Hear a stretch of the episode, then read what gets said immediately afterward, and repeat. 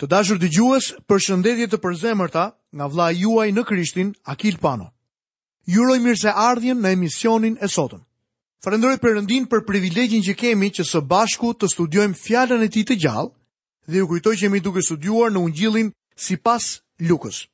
Jemi në momentet apo më saktë kapitujt e fundit të këtij Ungjilli dhe jemi duke u përgatitur të shohim marrjen dhe kryqëzimin e Jezusit, Zotit tonë, në kryq. Tema e kapitullit të 23 janë këto.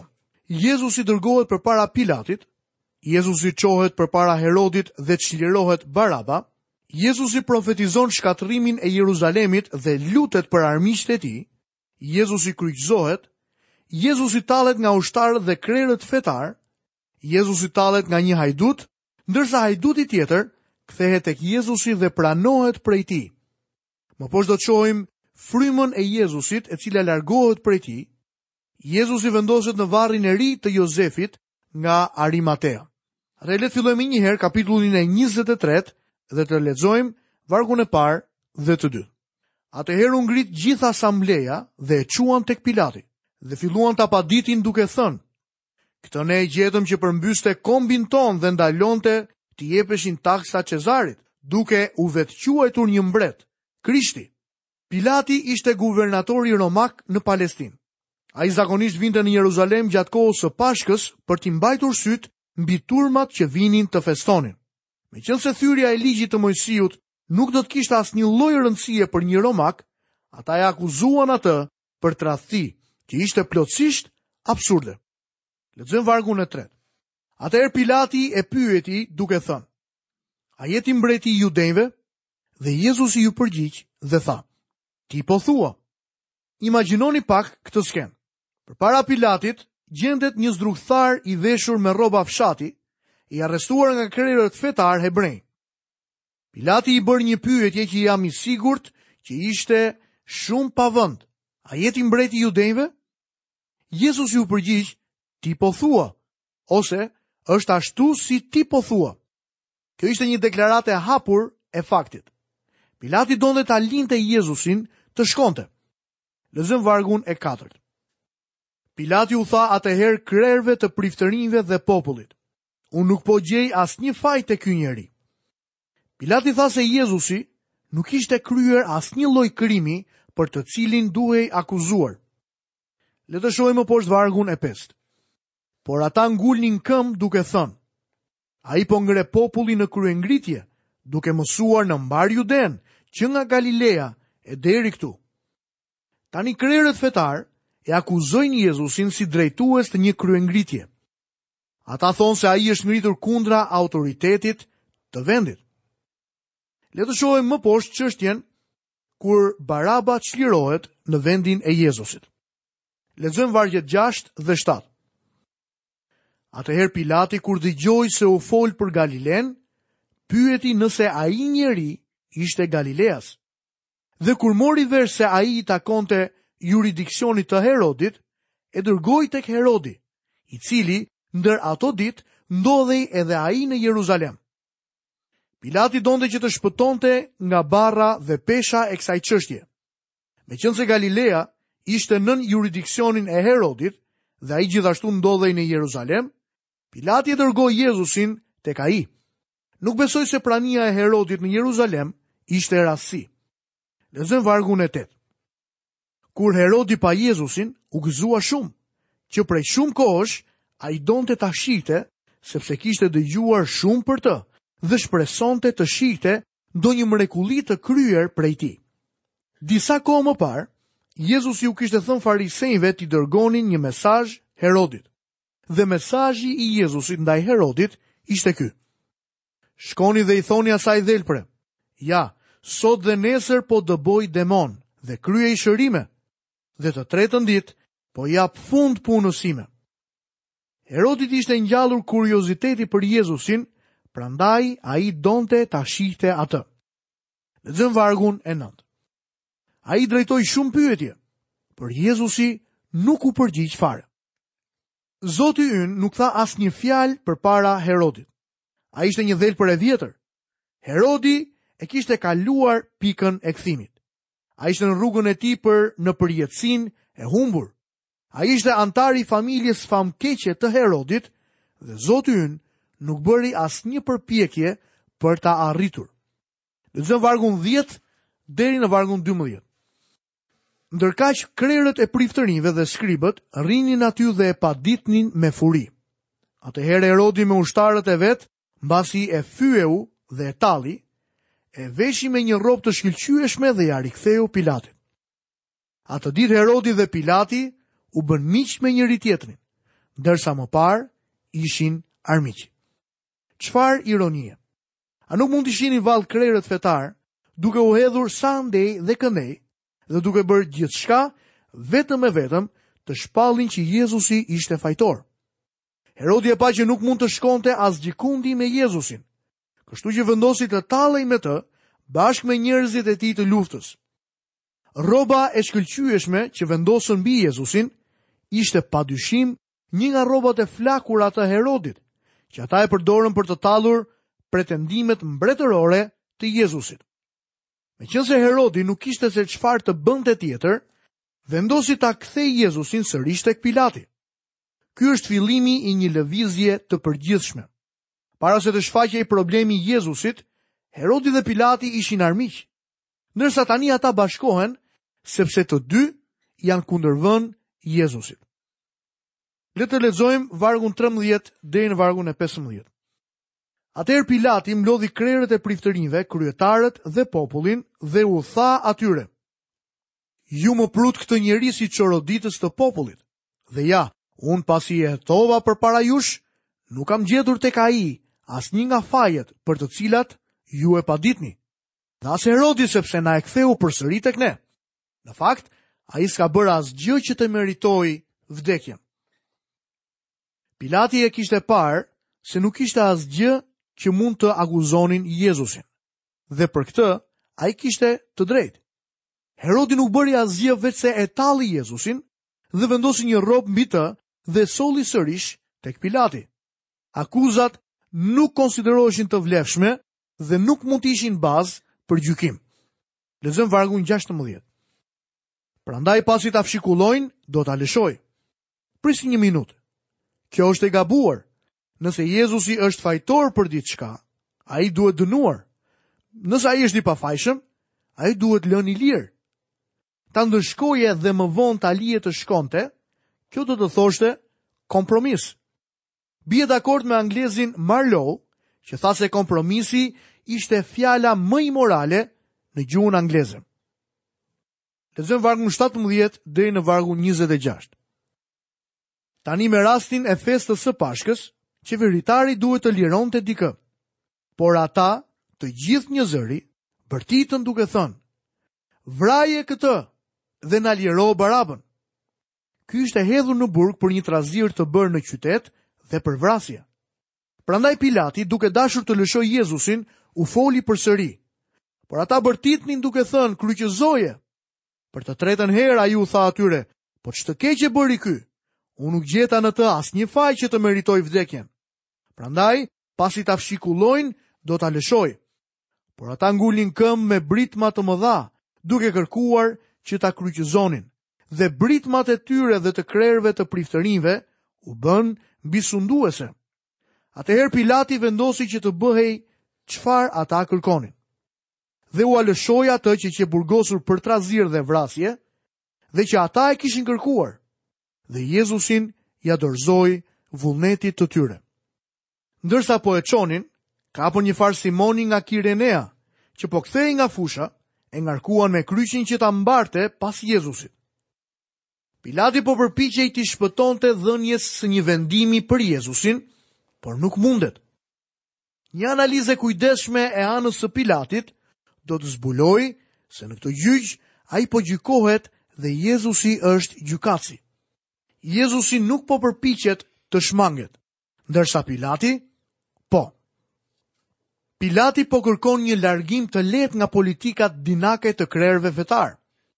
Ai vendos t'i lërë ata të zgjedhin midis Barabës dhe Jezusit. Për të vendimi ishte i qartë. Ai zbuloi se ata e donin Jezusin të vdekur për shkak të zilisë.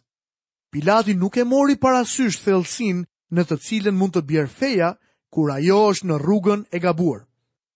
Ungjilltari Mate na tregon se krerët e priftërinjve dhe pleqtë ia mbushën mendjen turmës të kërkonin lirimin e Barabës. Pilati u befasua kur turma po kërkonte lirimin e Barabës. Imagjinoni një gjykatës që i kërkon turmës të vendosë se çfarë duhet të bëhet me njeriun në gjyq. Ai vendosi që Jezusi ishte i pafajshëm, ndërsa tani po e dorëzonte Jezusin në kryqëzim. Çfarë drejtësie prej romaku. Më në fund Pilati duhet të bënte një vendim, ashtu si çdo njeri sot duhet të bëjë një vendim në lidhje me Jezu Krishtin. Çfarë ke vendosur ti për të? Lexojmë poshtë vargjet 27 deri në vargun 30. Dhe e ndiqte një turmë e madhe populli dhe disa gra që hidhëroheshin dhe vajtonin për të. Por Jezusi u kthye nga ato dhe u tha, O bija të Jeruzalemit, mos qani për mua, por qani për veten tuaj dhe për fëmijët tuaj.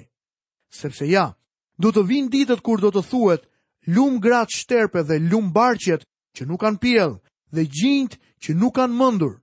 Atëherë do të fillojnë t'u thonë maleve, bini përmbi ne dhe kodrave na mbuloni. Gjatë rrugës së tij për në kryq, Jezusi u foli grave që po qanin për të. Ai u tha atyre se do të vinte një ditë, kur do të ishte më mirë që gratë të mos sillnin fëmijë në jetë. Ai po i referohej kohës së mundimit të madh. Pastaj u tha grave të mos qanin për të. Ai nuk kërkon simpatinë tonë. Jezusi kërkon besimin tonë. Ai nuk kishte pse të vdiste dhe ai nuk vdiq për të fituar simpatinë tonë njerëzore. Lexojmë vargun 33 dhe 34. Dhe kur arritën në vendin që quhet Kafka, aty e kryqëzuan atë dhe keqbërësit, njërin në të djathtë dhe tjetrin në të majtë. Shohim që me Jezusin u kryqëzuan dhe dy kriminelë. Dhe Jezusi tha: O atë fali, Fali ata sepse nuk dinë ç'bëjnë. Pastaj pasi i ndanë rrobat e tij, hodhën short. Zoti Jezus i kërkoi atit të falte turmën e cila po e kryqëzonte. Nëse ai nuk do ta kishte bërë këtë, turma do të kishte qenë fajtore për kryerjen e mëkatit të pafalshëm, vrasjes së birit të Perëndisë. Lexojmë vargun 35. Dhe populli rrinte aty për të parë dhe kryetarët me popullin e përqeshnin duke thënë, ai i shpëtoi të tjerët, le të shpëtojë veten, po qe se me të vërtetë është Krishti, i zgjedhuri i Perëndisë. Nëse Jezusi do të kishte zbritur nga kryqi, ai nuk do të kishte qenë Krishti, shpëtimtari i botës. Jezusi nuk do të kishte përmbushur të gjitha ato që shkruhen nga profeti Isaia në kapitullin 53.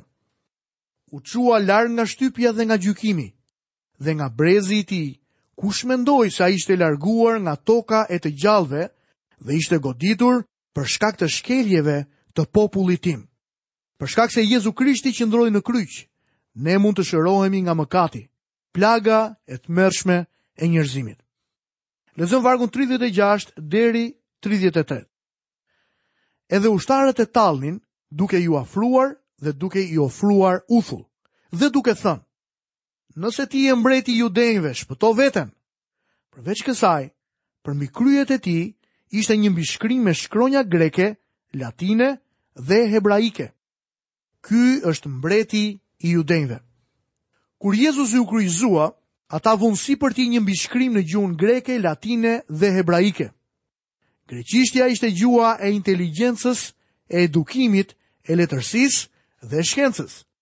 Latinishtja ishte gjuha e ligjit, rregullit, ushtrisë dhe qeverisë. Ndërkohë që hebraishtja ishte gjuha e fesë. Kur Krishti të kthehet për të vendosur mbretërinë e tij, ai do të jetë sundimtari politikan, sundimtari edukues dhe sundimtari shpirtëror i këtij universi. Sa i saktë ishte ky mbishkrim. Meqenëse ra fjala, për të marrë mbishkrimin e plotë, ne duhet të mbledhim së bashku të katër regjistrimet e ungjijve. Le të shohim më poshtë nga vargu 39 deri në vargun 41. Tani njëri nga keqbërësit e kryqëzuar e shau duke thënë, Nëse ti je Krishti, shpëto veten dhe neve. Por ai tjetri duke u përgjigjur e qortoi duke i thënë: A s'ke frikë nga Perëndia, që je nën të njëjtin dënim? Në realitet ne me të drejtë jemi dënuar, sepse po marrim ndëshkimin e merituar për ato që kemi kryer, ndërsa ky nuk ka bërë asnjë të keqe. Mateu dhe Marku na tregojnë se të dy hajdutët në fillim tallen me Jezusin. Por gjatë 6 orëve që ata qëndruan në kryq, veçanërisht gjatë 3 orëve të fundit, njëri nga hajdutët pa që po ndodhte diçka e pazakontë. Ai e kuptoi se ky person që po vdiste në kryq nuk po vdiste për vete, por për të tjerët. Edhe pse e dinte që Baraba duhet të ishte në atë kryq, ai e kuptoi që Jezusi po vdiste për të. Ai e kuptoi që ky ishte një veprim midis Zotit dhe njeriut në kryq. Njeriu në kryq ishte vetë Zoti.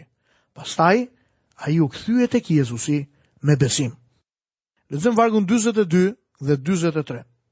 Pastaj i tha Jezusit, Zot, kujtohu për mua kur të vijsh në mbretërinë tënde. Atëherë Jezusi i tha, Në të vërtetë, në të vërtetë po të them, sot do të jesh me mua në parajsë. Pikërisht në atë ditë, hajduti nuk do të përgatitej për të jetuar në tokë sipas qeverisë romake, por ai do të shkonte me Zotin. Ky njeri ishte një hajdut i keq dhe jo i mirë. por për shkak të besimit të tij në birin e Perëndisë, ai u shpëtua. Mëkatet e tij u falën. Ky njeri besonte se Zoti Jezus do të vinte në mbretëri pas vdekjes së tij. Ky hajdut do të ketë kaluar një kohë të gjatë duke menduar mbi teologjinë, ndërkohë që ishte i varur në kryq. Zoti ynë deklaroi në mënyrë të mrekullueshme që ky hajdut do të ishte me të në parajsë po atë ditë. Këta dy hajdutë ishin arrestuar, gjykuar, dënuar dhe po vdisnin për të njëjtin krim. Cili ishte ndryshimi midis tyre? Nuk ishte asnjë ndryshim që të dy ishin hajdutë. Ndryshimi qëndronte në faktin që njëri prej tyre i besoi Jezu Krishtit dhe tjetri jo. Disa vite më parë, pyeta një mikun tim që ishte liberal në teologjinë e tij. Çfarë do t'i thoje hajdutit në kryq? A do t'i thoje të vraponte në një mision shpëtimi? A do t'i thoje atij të përdorte duart e tij për të bërë vepra të mira? Personi më pa i befasuar. Unë iu përgjigja. A nuk është kjo ajo që u thua njerëzve të tu të bëjnë? Po, u përgjigj ai. Por ata mund t'i bëjnë ato gjëra. Çfarë do t'i thoje këtij hajduti të mirë? Çfarë mund të bënte ai me duar dhe këmbët e tij të gozhduara në kryq? Dhe meqenëse ra fjala, në çfarë kishe do ta udhëzoje të shkonte? Çfarë ceremonie do t'i kërkoje të bënte? Miqtë e mi, Zoti ynë i tha atij hajduti, sot ti do t'jesh me mua në parajsë. Ky njeri shkoi në prezencën e Zotit për shkak të besimit të tij te Krishti. Të dashur miq, këtu kemi përfunduar dhe emisionin e sotëm. Jam kaq shumë mirënjohës Perëndisë për faktin që keni qëndruar së bashku me mua përgjatë gjithë këtyre minutave në studimin e fjalës së Zotit. Ju kujtoj që jemi në momentet më të rëndësishme të ungjillit sipas Lukës, momentet e kryqit, vdekjen dhe ringjalljen e Zotit tonë. Në emisionin e ardhshëm do të vazhdojmë të flasim për vdekjen dhe për ringjalljen e Zotit Jezus. Deri atëherë, nga vëllai juaj në Krishtin Akil Pano, paçi të gjitha bekimet e Zotit dhe paqen e tij në jetën tuaj.